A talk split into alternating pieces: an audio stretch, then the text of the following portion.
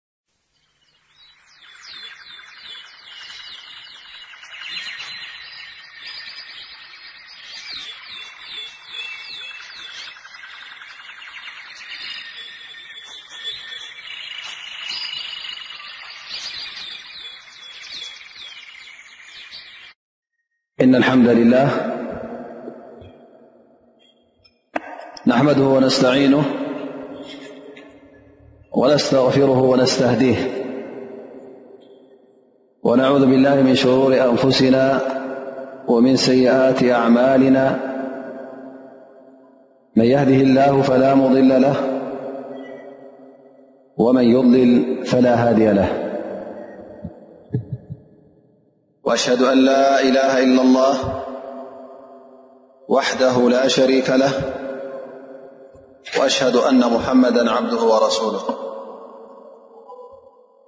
وصفيه من خلقه وخليله بلغ الرسالة وأدى الأمانة ونصح الأمة وجاهد في الله حق جهاده حتى أتاه اليقين فصلاة ربي وتسليماته عليه وعلى من استنى بسنته واقتفى أثره واتبع هداه إلى يوم الدين وبعد سخبركم أحوات سخبرك أحت السلام عليكم ورحمة الله وبركاتهكلو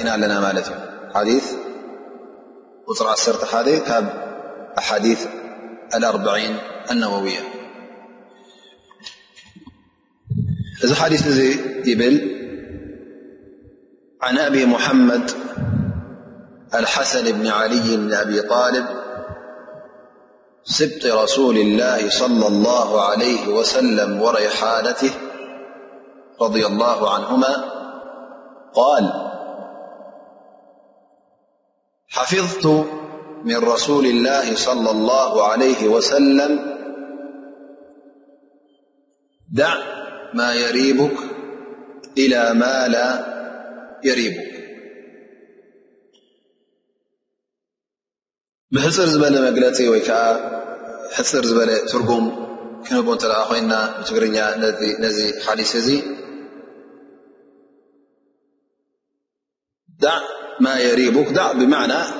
ኦትሩክ ማለት ግደፍ ማለት እዩ ማ የሪቡክ ጥርጥራ ዘእትወካ ነገር ኢላ ማ ላ የሪቡክ ናብቲ ጥርጥራ ዘይብሉ ነገር ፈነቢይ ስለ ላሁ ለ ወሰለም ይብሉ ኣለዉ እቲ ናብ ጥርጥራ ዘእትወካ ወይ ከዓ ጥርጥራ ዘእትወልካ ነገር ገዲፍካ ናብቲ ጥርጥራ ዘይብሉ ነገር ናብኡ ድኣ ስገር ናብኡ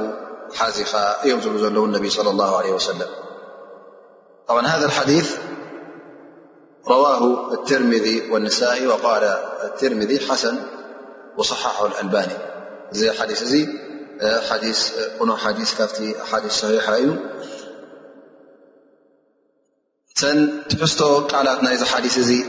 ሓፀርቲ ይኹና ድኣ እምበር ግን ዓብዪ ትርጉም ዝሓዘ ሓዲ እዩ። ሓደ ካብቲ ቀንድታት ናይ እስልምናን ናይ ሃይማኖትናን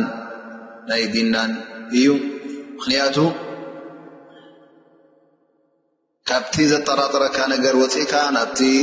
ዘይትጠራጠሮ ነገር ናብኡ ስገር ዝብል ዘሎ እዚ ጉዳይ እዚ ሕጂ ናብ ሓደ ሸነኽ ጥራይ ዘተኮረ ስለ ዘይኮነ እንታይ ደኣ ናብ ዒባዳታት በብዓይነቱ ናብ ሰላት ናብ ስያም ናብ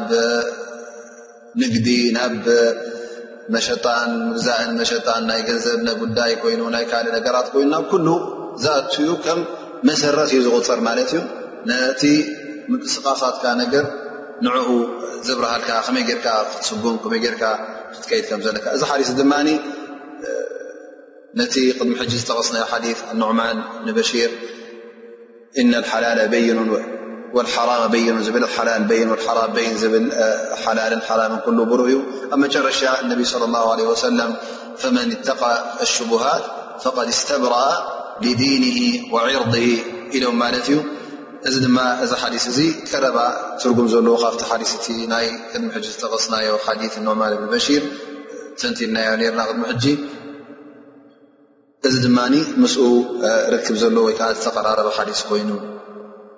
ንረኽቦ ስለዚ እዚ ሓዲስ እዚ እብ ዑለማ ኣስሉ ወራ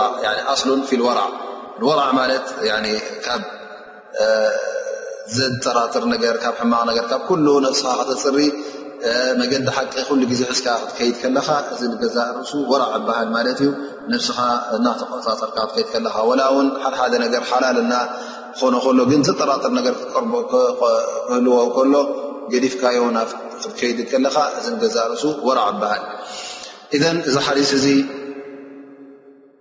እንታይ እዩ ዝብለና ዘሎ ዳዕ ማ የሪቡካ ኢና ማ ላ የሪቡ ዝኾነ ይኹን ጉዳይ ናይ እምነት ኮይኑ ቃል ኮይኑ ተግባራት ኮይኑ ርክባት ኮይኑ ኩሉ ነገራት ነዚ ሓዲ እዚ ኣብ ቅድሜኻ ጌርካ ክትከይድ ኣለካ ማለት እዩ ብማዕና ማለት ዝኾነ ኣጠራጣሪ ነገር ከሉ ከሉ ኣብቲ ዲንካ ዘይተረጋገፅካ ክትከውን ከለኻ ሓላል ድዩ ሓራም ድዩ ኢልካ ክትጠራጠር ከለኻ ሕጂ ነዚ ተግባር እዚ ወይ ከዓ ነዚ እምነት እዚ ወይ ከዓ ነዚ ርክብ እዚ ክትገድፎ ኣለካ ማለት እዩ ምክንያቱ እዚ እንታይ እዩ ነቲ ዲንካ ክሕልወልካ እዩ ነቲ ክብረትካን ሽመትካን ይሕልወልካ ነብስኻ ድማ ካብ ሓራም ይሕልዋ ማለት እዩ ኣብ ሓራም ንኸይትወድቕ ውን ፀግዕፀግዕ ሓራም ውን ኣይትቐርብን ማለት እዩ ኩሉ ግዜ ጨና ናይ ሓራም ዘለዎ ካብ ክትርሕቕ ከለኻ ካብቲ ሓራም ንገዛእ ርእሱ ትርሕቕ ማለት እዩ ኣብ ርእሲኡ እዚ ነገር እዚ እንታይ ይውስኸካ እቲ ልብኻ ንገዛእ ርእሱ ይወድቀልካ ይረግኣልካ ልብኻ ይረግኣልካን ይወድቀልካን ምኽንያቱ እንተ ዘጠራጥር ነገር ኮይኑ ኩሉ ግዜ እንታይ ኻ ትኸውን ማለት እዩ እቲ ልብኻ ንገዛ ርእሱ እዛ ነገር እዚኣ ዝገበርክዋስ ሓላል ድያ ሓራም ድያ ኢልካ ነፍስኻ ንግሆን ሙሸትን ክትሓታ እንከለኻ መገዲ ኸይር ስለ ትደሊ ንረቢ እውን ከተፍትን ከተረድን ስለ ትደሊ እቲ ገለ ናይ ሓራም ትንካፍ ከይህልዎ ኢልካ ሕርኽርኽ ስለ ዝስምዓካ ድቃስ ስለ ዝኸልእካ ካብዚ ድቃስ ምስኣን እዚ ናብ ርግኣት ምእንቲ ንኽድ ሰግር ነቢ صለ ላ ለ ወሰለም በዚ ሓዲስ እዚ ገይሮም መኺሮምን ኣለዉ ከም መምርሒ ገይርና ድማ ንሕና ክንጥቀሞ ይግብኣና ማለት እዩ ምኽንያቱ እዚ ሓዲስ እዚ ጥቕሙ ዓብ ዩ ናይ ሸይጣን ውስዋስ ውን ይዓፅወልካ ኩሉ ግዜ ሸይጣን እውን ኣብ ናይ ቅርጠራን ኣብ ናይ ሰሓብ ቦግተቶ ስለ ዘትወካ ስለዚ ኣብ ጉዳይ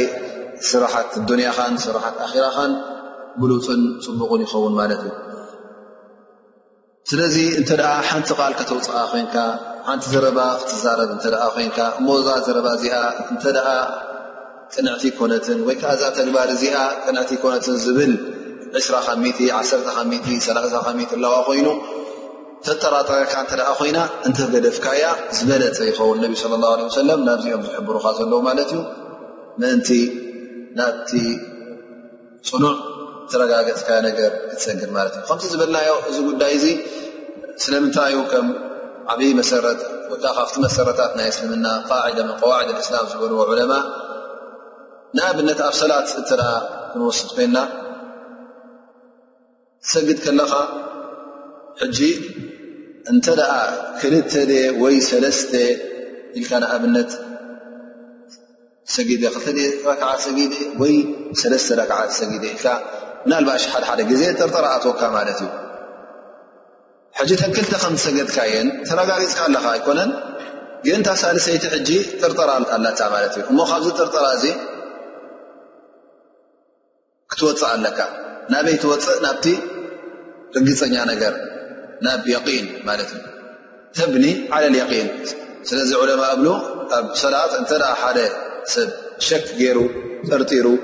ክልተ ደ ወይ ሰለስተ ሰጊደ ኢሉ የብኒ ዓለ የን ማለት ናበይ ኸይድ ናብቲ ርግፅ ዝኾነ ነገር ክልተ ከምዝሰገደ ክልተ ርክዓ ከምዝሰገደ ተረጋጊፅሎ እታ ኣጠራጢራቶ ዘላ ኣይነይቲ እያ እታ ሳልሰይቲ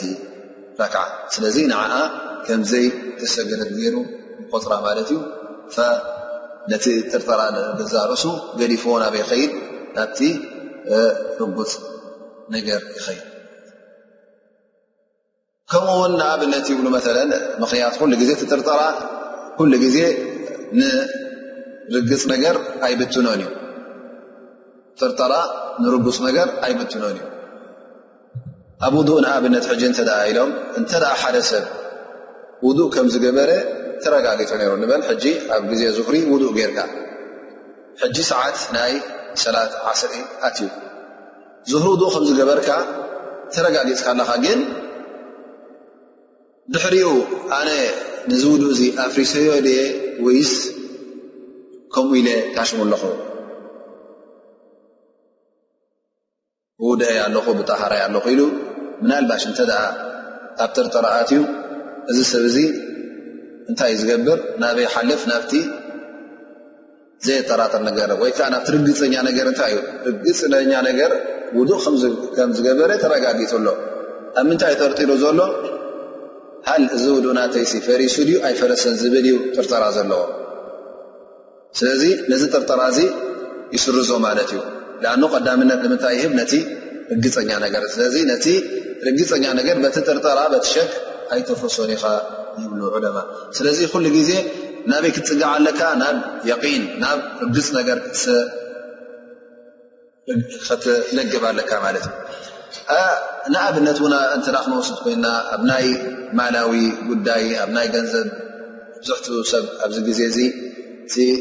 ሓረጣ ኮይኑ ወይ ከዓ ናይ ገንዘብ መዓመላ ክግበር እከሎ ናይ ገንዘብ ስርሕት ልዋ ክግበር እከሎ ኣሸጋሪ ነገር ኣሎ ማለት እዩ እዚ ጉዳይ እዚ ሓል ሓራም ድዩ ሓረጣ ኣትዎ ድዩ ኣይኣትዎን ኢልካ ሓሓደ ግዜ ሸክ ትገብር ኢኻ ስለዚ ካብዚ ሸክ ካብ ዝጥርጠራ እዚ ኩሉ ግዜ ክትርሕቕ ኣለካ ማለት እንተ ከምዚ ዓይነት ዝጥርጠራ ኣለዉ ካብኡ ክትርሕቕ ኣለካ ማለት እዩ ነዚ ጉዳይ ነገር ክትቀርቦ ይብልካ ማለት እዩ ስለዚ ናብ ማላዊ ገንዘብ ዝኣት ናባኻ ኮይኑ ናይ ዕባዳ ናይ ሰላት ኮይኑ ናይ ስያም ኮይኑ ኣብ ኩሉ ምንቅስቓሳትካ ወላ እውን ኣብቲ ርክባትካ ንኣብነት እንተ ሓደ ሰብ ምስ ሓደ ካልኣዩ ዓርክ ኣለዎ ኮይኑ ወይ ከዓ ዕርክነት ክገብር እተ ደልዩ ኣዕሩ ክገብር እተ ደልዩ ምስኦም ኮፍ ዝብል ምስኦም ዘዕልል ምስኦም ዝመያየጥ ናይ ዕልሚ ኮይኑ ናይ ኣዱንያ ኮይኑ ናይ ኣኼራ ጉዳይ ርክብ ዘለዎ ምስኦም እተ ርክባት ገብር ኮይኑ እንተ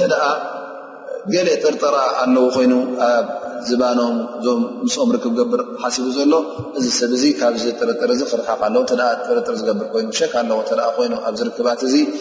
እዞም ሰባት እዚኦም መሰለ ጥዑያት ዝመስሉ ግን ገለገለ ሙኻለፋ ናይ ሸሪዕ ኣለዎም እሞ ኣነ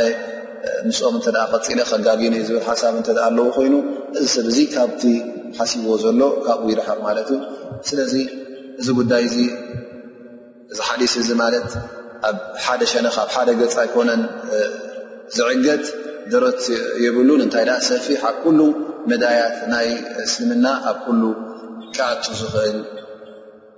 እዩ ኣብ ታሪኽ ናይ እቶም ዝሓለፉ ኣስሓብ ነቢ صለ ላه ለ ወሰለም ብፆት ነቢና ሓመድ صለ ላه ለ ወሰለም ክንርኢ ከለና ከምኡ ውን ቶም ሰዓብቶም ቶም ታብዒን ክንርኢ እንተ ኮይና ውን ኩሉ ግዜ ኣብቲ ስነ ምግባር ናቶም ተጠንቂቖም እዮም ዝኾኑ ነይሮም ከምዚ ዝኣመሰለ ጥርጠራ ክርከብ እንከሎ ድማ ፈፂሞም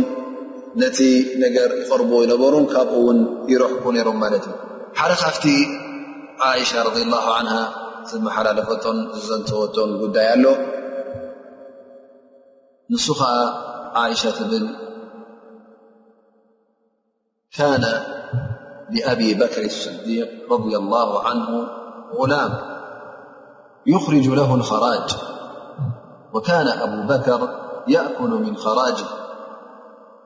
فجاء يوما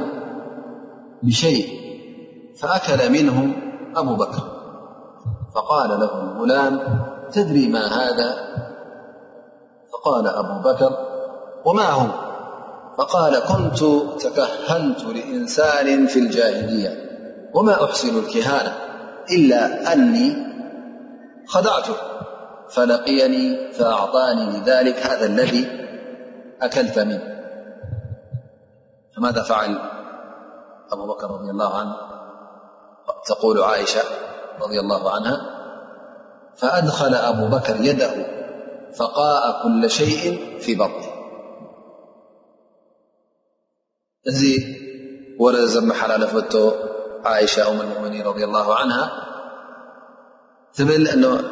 ሓደ ግዜ ኣቡበክር ሰዲቅ ኣገልጋሊ ነይርዎም ማለት እዩ እዚ ኣገልጋሊ እዚ ሕጂ ብዙ እዩ ነይሩ ትሕትኦም ምስ እንታይ ተሰማሚዖም እዚ ሰብ እዚ መዓልታዊ ዝኸእል ክፍሊት ክኸፍል ዝተረፈ ድማ ነብሱን ንስድርኡን ንኽሰርሕ ስምምዕ ገይሮም ማለት እዩ እዚ ገልጋሊ እዚ ኩሉ ግዜ ከም ልሙድ ዝብላዕ ነገር ኮይኑ ወይ ከዓ ማል ኮይኑ ገለ ኮይኑ ሒዙሎም ይመፅእ ነይሩ ካብኡ ተቐቢሎም ድማ ንሶም ይወስዱ ነይሮም ማለት እዩ ሓደ ግዜ መፂኡ መግቢ ይህቦም ማለት እዩ ምስ ሃቦም ኣቡበክር ስድቅ ከምቲ ልማዶም ወሲዶሞ ተቐቢሎም በሊዖም ማለት እዩ ፈዚ ገልጋሊ እዙ ሓቶም ያ ኣባበክር ትፈልጥ ዶ እዙ ዝሃብኩኻ እንታይ ከም ምኳኑ ኣቡበከር ኣስዲቅ እንታይ እዩ ኢሎም ይሓቱ ይብል ኣነ ገና ኣብ ግዜ ጃህልያ ምስልምና ከይኣተኹ ከለኹ ቅድ ምስልምና ንሓደ ሰብኣይ ጠንቂለሉ ነረ ጠንቂለሉ ነረ ካሃና ማለት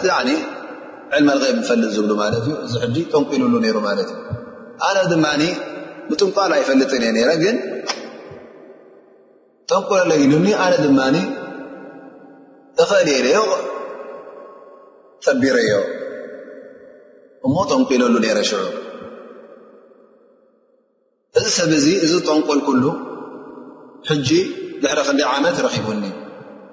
እሞ ንዓ እስኻ ቅድሚ ሕጂ ከምዚ ከምዚ ገይልካ ጠንቁልካለይ ነርካ እሞኒ ኣነ ድማ እዚአን ድማ ናይተን ዝጠንቆልካለይ ክበካ ኢሉ ሂቡኒ እሞኒ እሰን እየን ኣነ ሕጂ ዘን ዘምቃሩካ ብከምኡ ዘምፃክዎን እየ ብከምኡ ዝረባሕክዎን እየ ኢሉ ተዛሪቡ ማለት እዩ ኣቡበክር ስዲቅ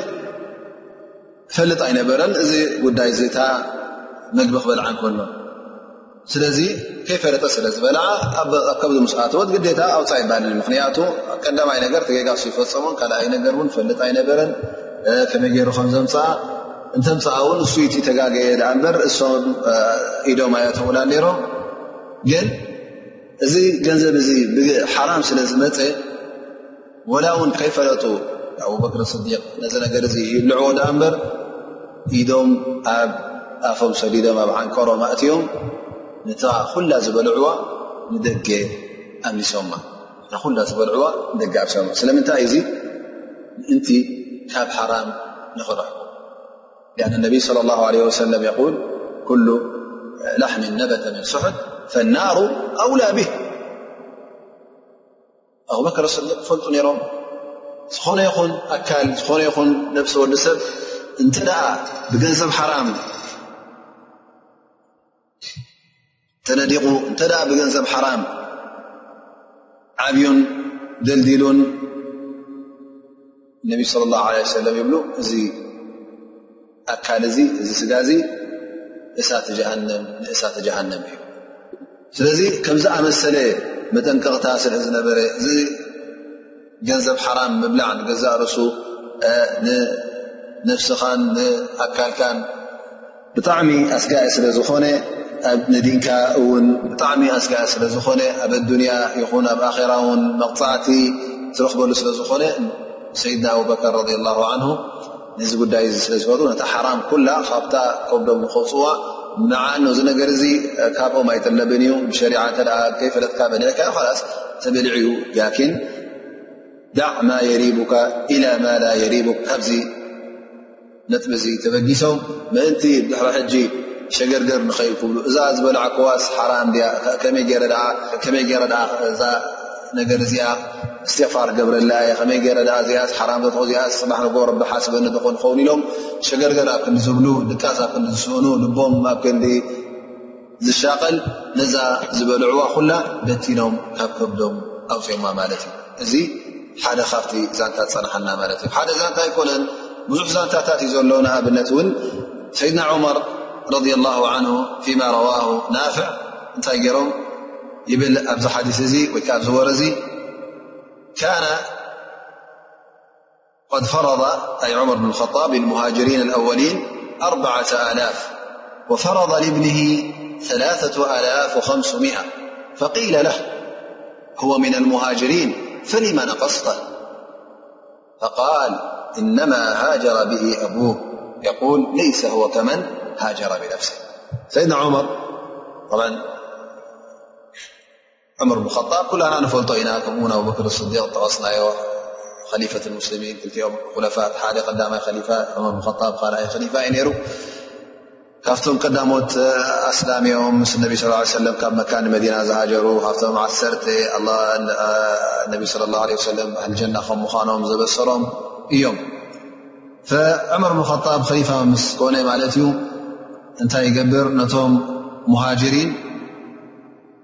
መሃያ ይገብረሎም ማለት እዩ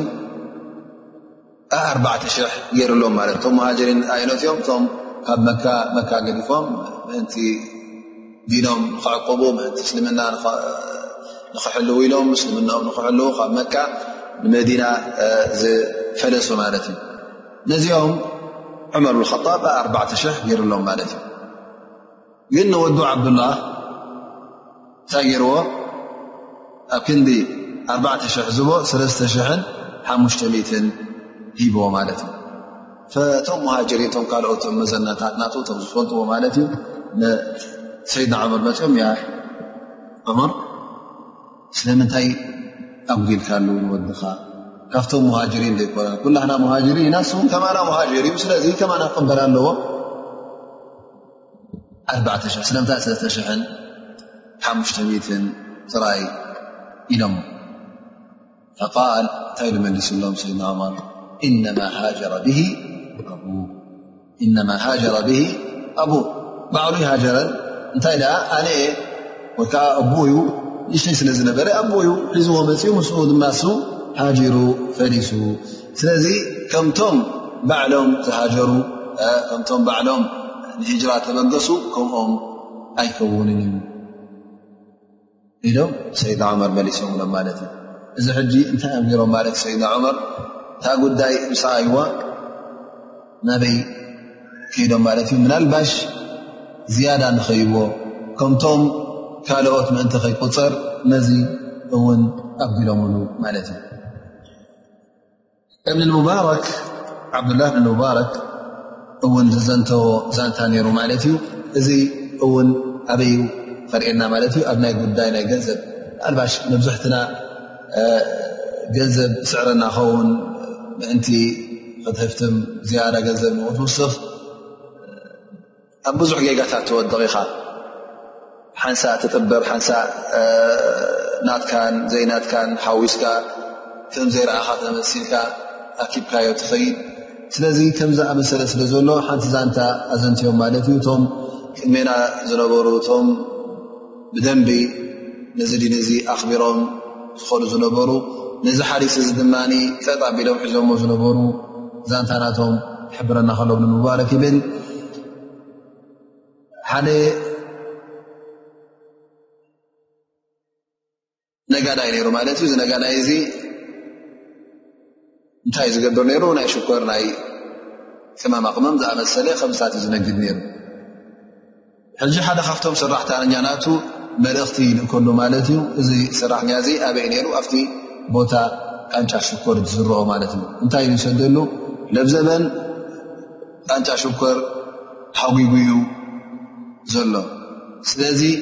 ዋጋ ሽኮር ክኸብር እዩ መስለኒ እሞ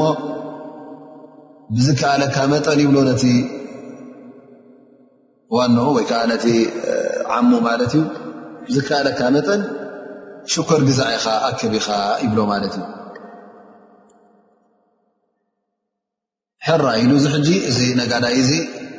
ምኽሪ ናይቲ ሰራሕተኛናት ሰሚዑ ቃንጫዕ ሽኮር ክውሕጥ ከም ምኳኑ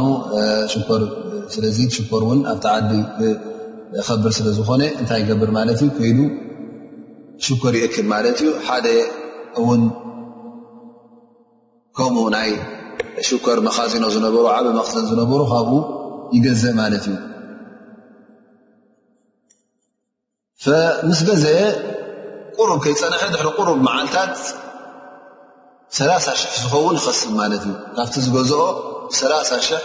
ከሲቡ ብዝያዳ ማለት እዩ እዚ ረብሓ እዚ እዚ መክሰብ እዚ ረኺቡ ተሓጒሱ መጀመርያ ማለት እዩ ግን ተረኣየታ ጉዳይ ስኽፍክፍ ኢላቶ ጸፍከፍ ምስ በለቶ ናበይ ኸይድ ማለት እዩ ናብቲ በዓል መኻዚኖ ሽኮር ዝገዝኣሉ ብዝሒ ዝገዝኣሉ ነይሩ ማለት እዩ ይብሎ ኣንታ ፍላን ኣነ ካባኻ ክገዝእ ከለኹ ሽኮር ከም ዝውሕድ እፈልጥ ነረ ዋጋ ከም ዝውስኽ እፈልጥ ነረ ምኽንያቱ ሓደ ካብቶም ሰራሕተኛናተይ ኣብ ከምዚ ቦታ እቲ ቃንጫ ሽኮር ዝግዝ ኣብኡ ስለ ዝነበረ እሞ ነብዘበን ሃጉጉ እዩ ዘሎ ማእቶት ፅቡቕ የለን እሞኒ ሽኮር ግዛ ኢሉኒ ኣነ ብከምኡ ገይረ ካባኻ ከይነገርኩካ ከለኹ እቲ ዝርከብ ነገር ካባኻ ገዚኦ እዮ ስለዚ ኣነስ እዚ ዝገበርክዎ ምናልባሽ ንዓኻ ደስ ኣይብለካ ከይከውን እሞ ተሳማሕካኒ ወይ ከዓ ገንዘብካ እንዳ ክመልሰልካ ይብሎ ማለት እዩ እቲ በዓል መኻዚኖ እቲ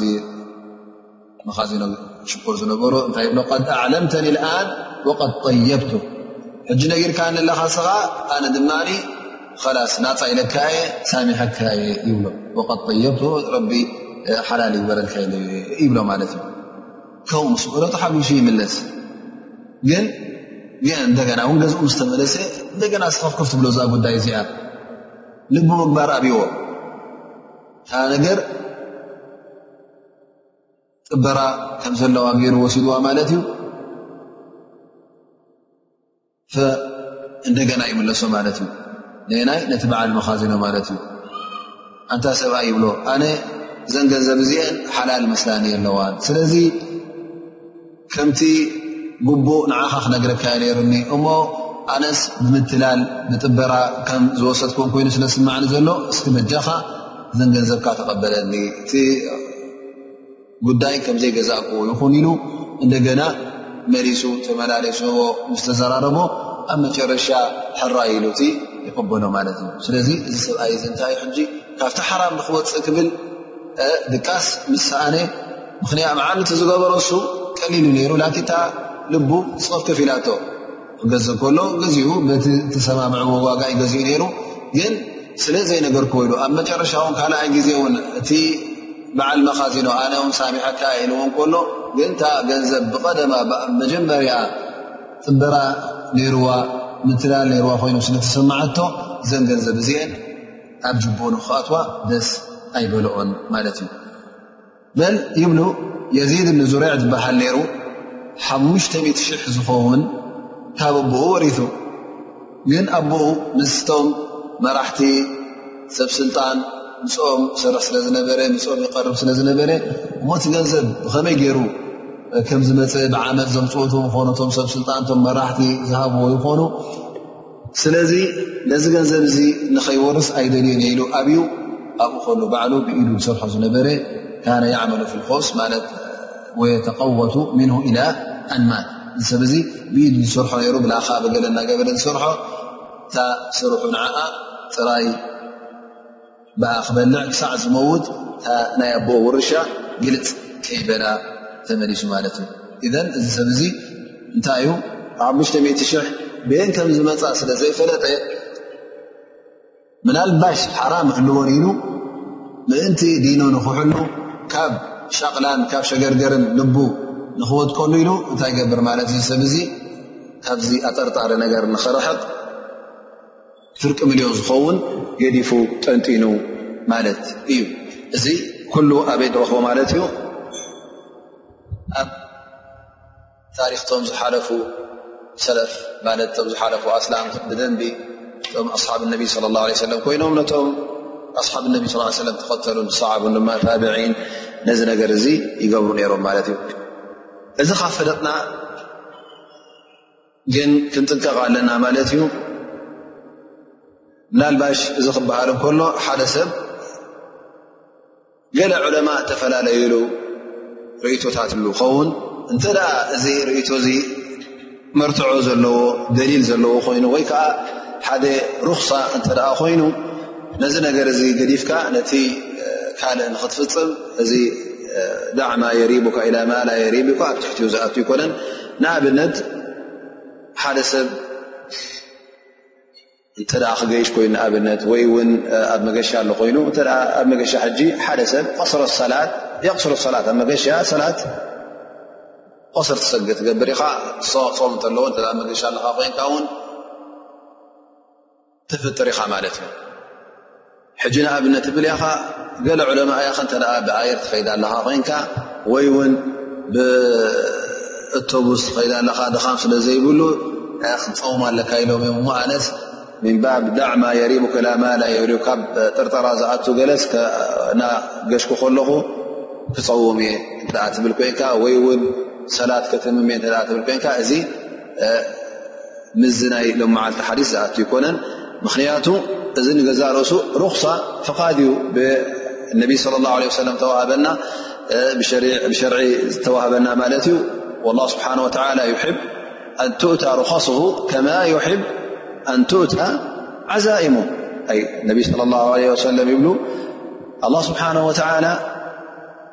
ልክዕ ከምቲ ነቲ ኣላ ስብሓን ወተዓላ ዝኣዘዘና ግዴታታት ንኽንገብር ዝፈትዎ ኣላ ስብሓን ወተዓላ ዝረድዮን ልክዕ ነቲ ፍቓዳት ናት እውን ክንጥቀመሉ ኣላ ስብሓን ወተዓላ ይረድዮን ይፈትዎን እዩ እነላ ይሕብ ኣንትእታ ርኸሱ ከማ ይሕብ ኣንትእታ ዓዛኢሙ ዓዛኢም ማለት እቲ ዋጅባት ማለት ግዴታታት ማለት እዩ ልክዕ ከምቲ ነቲ ግዴታታት ትገብሩ ኣላ ስብሓን ወተዓላ ዝፈትወልካ ከምኡ እውን ነቲ ፍቓድ ዝሃበካ ነቲ ዘፋኾሰልካ ነገራት ክትጥቀመሉ ኣላ ስብሓን ወተዓላ ይፈትዎ እዩ ኢሎም እነቢይ ለ ላ ለ ወሰለም እዘን ብሑጀት ወራዕ ወራዕ ንክገብር የልካ ወይ ከዓ ዝያዳ ፍርህ ረቢ ንክገብር የልካ ነቲ ሩኽሳ ናይ ሸርዒ ንዑ ክትገድፍ የብልካን እንተ ደኣ ነቲ ሩኽሳ እዚ ክትጥቀመሉ ኣለካ ኢላ እንተ ደኣ ንኣብነት እቲ ኪላፍ ቤለ ዑለማእ ዘሎ ሓያል ኺላፍ እተ ኮይኑ ንኣብነት ኣብ መንጎ ሓላልን ሓራምን ዘውድቕ እተ ኮይኑ ኣብዚ ሰዓት እዚ እቲ ሓራም ምእንቲ ናብኡ ንኸይትወድቕ ናብ ሓላልን ሓራምን ዘሎ ጉዳይ ምእንቲ ኣብ ሸክ ዘለዎ ኣብ ጥርጠራ ዘለዎ ንኸይትወድቕ ኣበይ ትኸይድ ማለት እዩ ነቲ ጎኒ ናይ ሓላል ናብኡ ትዘንበል ማለት እዩ ኣማ ባዕድ ሱነን ወይ ከኣ ገለ ካብ እሙር ዲን ካብቲ ፍቓዳት ዝተባህለ ንዑ ክትገድፍ ግን እዚ ቕኑዕ ኣይኮነን ግዴታ ክትጥቀመሉ ኣለካ ምክንያቱ እቲ ሩክሳ ኣላ ስብሓን ወተላ ዝሃበና ኮይኑ ወይ ከዓ ነቢ ስ ሰለም ዝነገሩና ኮይኖም ፍቓዳት እቲ ትጥቀመሉ ኢኻ ጠብዓ ወራዕ ክበሃል እንከሎ ከምቲ ዝተቐስናዮ ሓደ ሰብ ወላ ነቲ ሙባሕ ዝኾነ ነገር ፍቁት ዝኾነ ነገር ካብኡ ን ሓደ ሓደ ግዜ ይርሕቕ ማለት እዩ ምእንቲ እተ እታ ጉዳይ እተ ቁሩብ ጥርጠራ ኣላታ ማለት እዩ ግን እዚ ወራዕ ዝገብር ሰብ እውን መዓስ እዩ ዝገብር ወራዕ እንሳን ወርዕ ክበሃል እንከሎ ወይ ከዓ ካብ ንእሽተይ ንእሽተይ ነገራት ካብ ኣጠርጣሪ ነገራት ክርሕቕ ዝፍትን ንገዛእ ርእሱ ሰብ እዚ እቲ ግዴታ እቲ ዋጅባት ዝገብርን ነቲ ሙሓረማት ነቲ ተኸልከሎ ነገር ዝኽልከል እንከሎ እዚ ናብ ድሕሪኡ ናበይ ይሰግር ማለት እዩ ናብቲ ወርዕ ዝበሃል ናብቲ ኣጠርጣሪ ነገር ንኸይገብር ናብኡ ይሰግር ማለት እዩ ኣማ እንተ ሰብ እዚ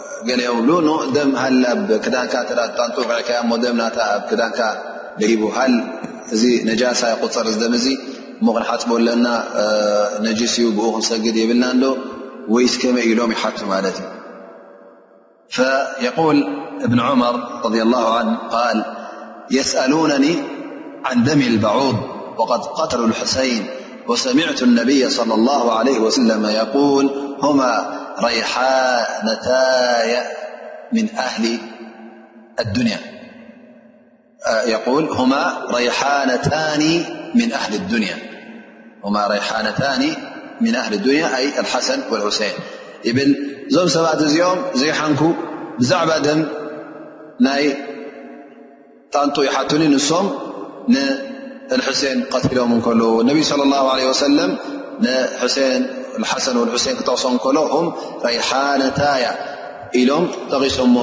እዮም ወረይሓና መዕና ኣይ ነቢ ስ ሰለም ብጣዕሚ ፈትዎም ነሮም ማለት እዩ ደስ ይብልዎ ነሮም ማለት እዩ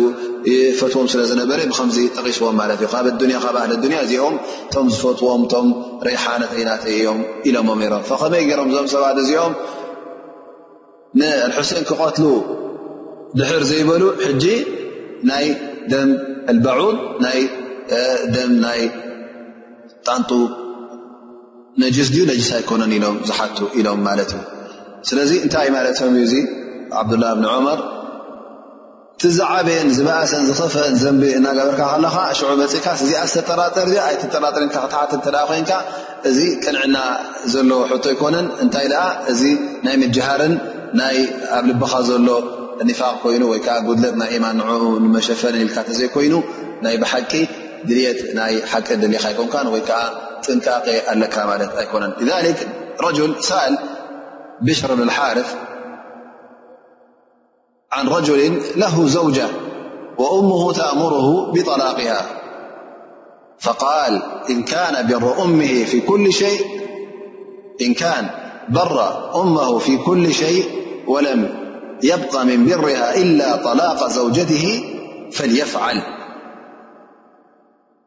ወእን ካነ ቢሩሃ ብጠላቅ ዘውጀትህ ثመ የቁል ባዕደ ذሊክ ኢላ እምህ ፈየضሪቡሃ ፈላ የፍዓል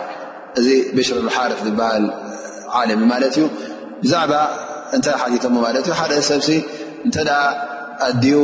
ንሰበይትኻ ዘይጠለቕካያ ኢላቶ እሞ እዚ ሰብ እዚ እንታይ ይገብር ሃል ምእንቲ ቃል ኣዲኡ ንክሰምዕ ቃል ኣዲኡ ንኸየዕብርሲ ንሰበይቱ ይጥልቓ ዶ ኣይጥልቓን ኢሎም ሓቲቶሞ ማለት እዩ ፈንታይ ኢልዎ መሊሱ እንተ እዚ ሰብ እዚ ነዲኡ ኣብ ኩሉ ነገራት ዝሰምዓ እተ ኮይኑ የበረሃ ፊ ኩሉ ሸይ ቃላታ ኩሉ ዘኽብር ነዲኡ ዘኽብር ድላያ ዝገብረላ ቃላ ዘየዕብረላ ባር ብኡምሂ እተ ኮይኑ ፊ ኩሉ ሸይ እሞ እተ እዚኣ ጥራይ ነገር ተሪፋላ ኮይና ንዓ ጥራይ እተ ዘይገበረ ኮይኑ ክጥልቕ እዚ ይጠልቕ ላኪን እዚ ሰብ እዚ ኣዲኡ ኣብ ብዙሕ ነገራት ቃላ ዘይሰምዐን ዘይምእዘዝን ዘየኽብርን እንከሎ ሽዑ ኣብዚኣ በፂሑ ኣነስ ኣደይ ጠለቕ ስለ ዝበተኒ ቢረን ብኡሚ ነደይ ምእንቲ ቢር ክገብር ነደይ ምእንቲ ክሰምዕን ላ ስብሓን ወተላ ብዛዕባ ቢር ልዋልደይን ስለ ዝሓበረናን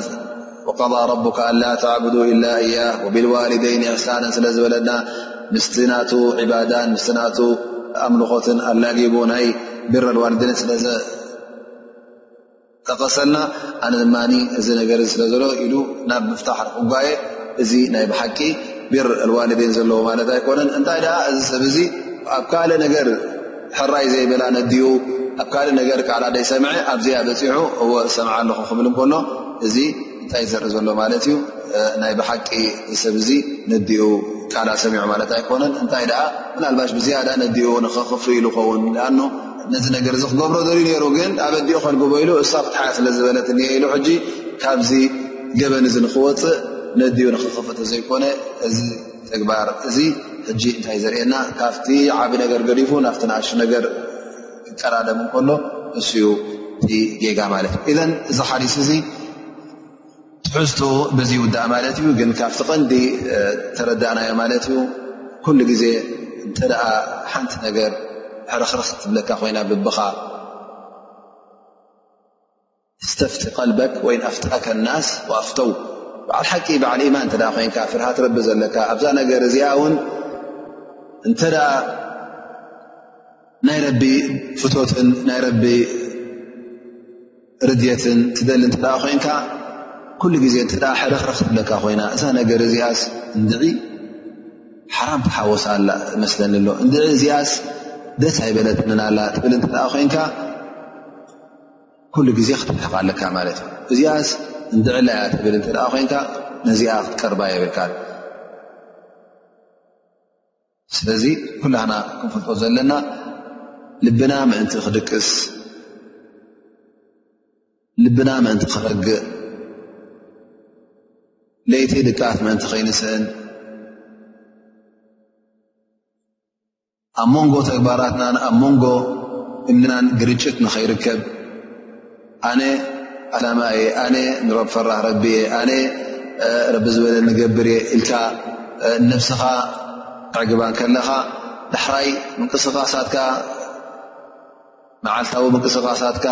ምስ ኢማንካ ዝገራጮ ክኸውን ከሎ፣ ጉድለታት ክትፍጽም እንከለኻ ኩሉ ግዜ ልብኻ ኣይቀስንን እዩ፣ ልብኻ ደስ ኣይብሎን እዩ። ምኽንያቱ እንታይ ዝርከብ ሕጂ ማለት እዩ ይገራጮ ማለት እዩ። ኢማንካ ናብ ካልእ ጽውዓካ፣ ተግባራትካ ድማ ናብ ካልእ ክስሕበካ እንከሎ ሕጂ እንታይ ይኸውን ማለት እዩ ይመናዛዕ ማለት እዩ፣ ይሰሓሓብ ድቃስ ትስእን። ሃተውተው ትብል ሸገርገር ሻቕላ ትኸውን ማለት እዩ እዘን ካብዚ ሻቕላ እዚ ክትረሃብ ኩሉ ግዜ እቲ ንዲንካ ዘሰናኽለልካ ንዲንካ ኣብ ዲንካ ጥርጠራ ዘእትወልካ ኣብ ተግባራትካ ሓላል ዩ ሓራም ኢልካ ትፈርሆ ነገር እተ ደኣ ኮይኑ ካብቲ ተጠራጠሮ ነገር ፈፂምካ ጎይኻ ክትረሃቕ ኣለካ ናበይ ናብቲ ሓላል ናብቲ ልብኻ ዝረግኣልካ ናብቲ ሓላል ናብቲ ርብኻ ዝረግኣካ ምኽንያቱ ሜዳ ናይ ሓላል ሰፊሕ እዩ ሜዳ ናይ ሓራም ድማ ፀቢብ እዩ እሞ እንታይ ገደሸካ ነፍስኻ ተፃብበላ ኣብቲ ፀቢብ እዚኣስ ሓላል ሓራም ዳናርካ ክትነብር ካብኣ ዝበልፅ ካብኣ ዝሰፍሕ መዳ ሜዳ ናይ ሓላል ስዘሎ ናብኡ ስገር ኢኻ ናፍቲ ሓላል ኢልካ እትኣምኖ ናፍቲ ልብኻ ዘውድቐልካ ናፍቲ ረቢ ዝፈትዎ ናብኡ ደኣ ኪድ ኢኻ ምእንቲ ልብኻ ከይሽገር ምእንቲ እውን ዲንካ